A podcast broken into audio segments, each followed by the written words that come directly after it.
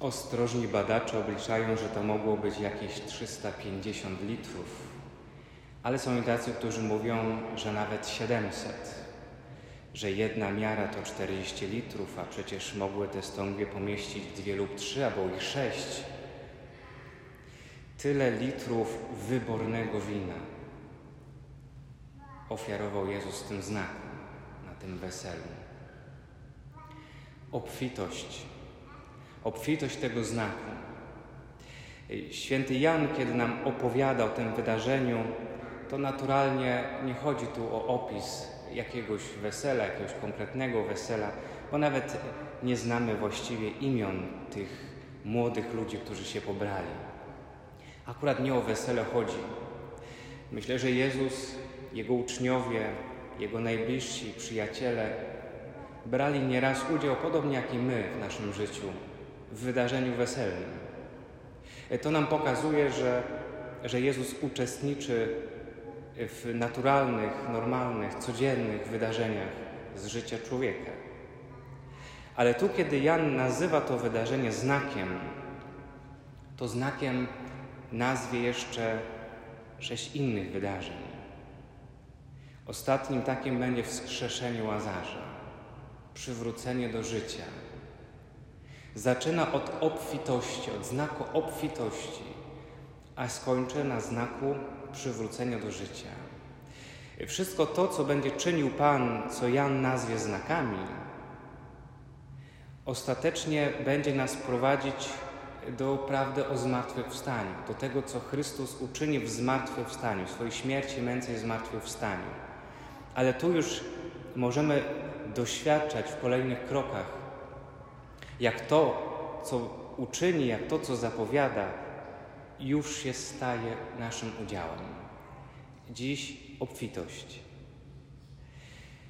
I chciałbym, żebyśmy dzisiaj zwrócili uwagę na, na dwa elementy tego wydarzenia. Pierwszym jest właśnie znak, o którym już powiedziałem, a drugim jest brak, bo ten znak ma początek w tym, że jest brak, rodzi się z braku. Najpierw znak. Pan w naszym życiu działa poprzez znaki. Takie pierwsze skojarzenie, które powinniśmy mieć ze znakami, jest moment, w którym uczestniczymy właśnie Eucharystia. Tu Pan działa właśnie poprzez znaki, poprzez gesty, słowa. To znaczy, kiedy widzimy poszczególne elementy mszy świętej, kiedy widzimy różne przedmioty używane we mszy świętej, to one przecież nie zatrzymują nas na nich samych, ale prowadzą nas do głębszej prawdy. Kiedy patrzymy na paschał, który jest umieszczony przy chrzcielnicy, to przecież nie zatrzymujemy się tylko na świecy.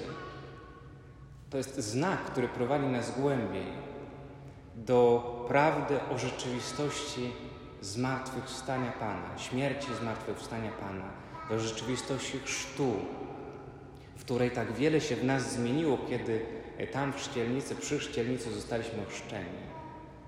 Wiele jest takich znaków we mszy świętej, na których się nie zatrzymujemy, ale które z nas odnoszą do innej rzeczywistości, w których kryje się właśnie działanie Boga, czytanie Słowa Bożego, to przecież nie tylko jest historyczne czytanie wydarzeń zapisanych, ale kiedy czyta się słowo w liturgii, ono się staje ciałem. My zastanawiamy się, jak to słowo dzisiaj w nas może oddziaływać, jak to słowo może się dzisiaj w nas realizować, jak Bóg może być zatem przez to słowo obecny w naszym życiu. Znak. Ale są też i pomniejsze znaki, które dzieją się czasami w naszym życiu i na które myślę powinniśmy starać się być uczuleni, wyczuleni. Pamiętam, kiedy zastanawiałem się nad y, powołaniem, to znaczy, czy moją drogą jest powołanie kapłańskie, to też prosiłem o znak jakiś, znaczy, żebym był pewien, żebym wiedział. Jednym z takich znaków wówczas było, był powracający do mnie fragment Pisma Świętego ważny wówczas dla mnie.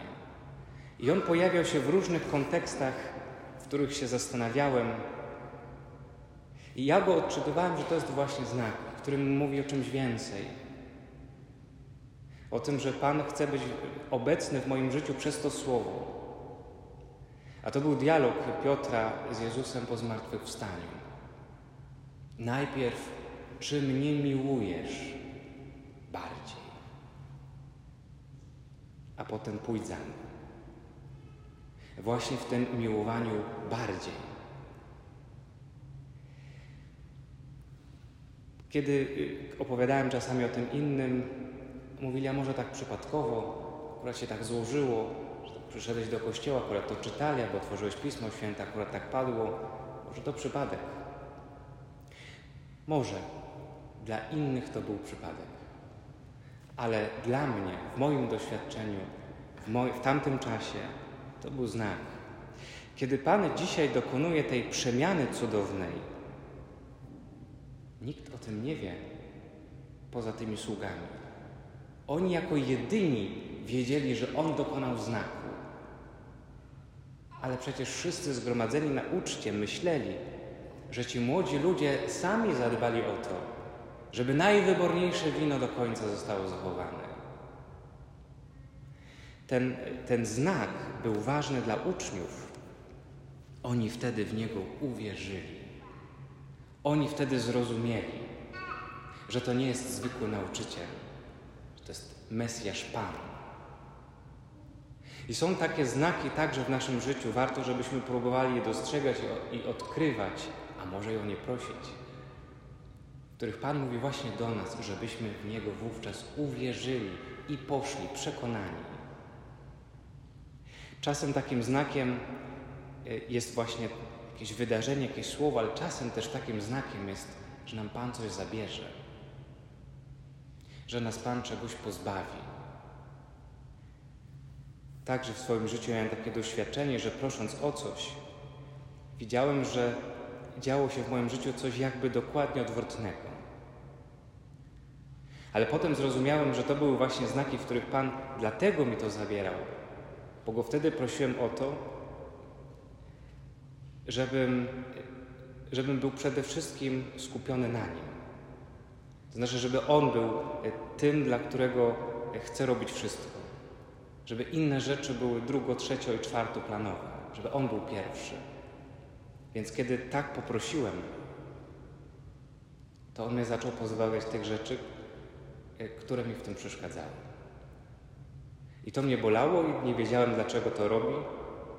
Czasem to była jakaś relacja, którą mi zabrał, czasem to było miejsce, które mi zabrał, czasem to była pewność, a czasem to był entuzjazm na modlitwie. Właśnie wszystko po to, żeby przez to przebrnąć i przez ten znak, przez te znaki dojść do czegoś głębiej. W gruncie rzeczy rozeznawanie znaków, odkrywanie znaków, e, to jest część naszego chrześcijańskiego życia. Sobór Watykański II powie w dokumentach, że Kościół w ogóle ma rozeznawać znaki czasu. To znaczy poprzez różne wydarzenia e, Pan działa. Kościół ma odczytywać, jak działa. I my mamy to samo robić w naszym życiu. I ten drugi element, że ten znak rodzi się z braku. My często patrzymy na brak jako coś, co jest dla nas y, trudne, coś, co nas może upokarza, ale przecież każdy z nas nosi w sobie jakiś brak. Brak gorliwości nieraz w nawróceniu, brak zapału do czynienia dobra, brak miłości, brak przyjaźni, brak zdrowia. Wiele jest z nas różnych braków. I czasem właśnie uświadomienie sobie tego braku i nazwanie tego braku jest otwarciem drogi do tego, żeby Pan był obecny w naszym życiu i zaczął działać. Przypomnijcie sobie tych wielu ludzi, których Pan uzdrowił. Ślepy przyszedł, ponieważ wiedział, że jest ślepy. Powiedział: Brak mi wzroku. W moim życiu jest ogromny brak. Więc Pan ten brak uzupełni, wypełni. Dziś brak było wina, a czego brak jest w naszym życiu? Czego tak bardzo nam brakuje, z czym powinniśmy przyjść i powiedzieć tak, właśnie tego mi najbardziej dziś brakuje. Przyjdź i to wypełnij. To, co mogę zrobić, to napełnienie wodą stągwi. To jest właśnie to, żeby to nazwać i z tym przyjść.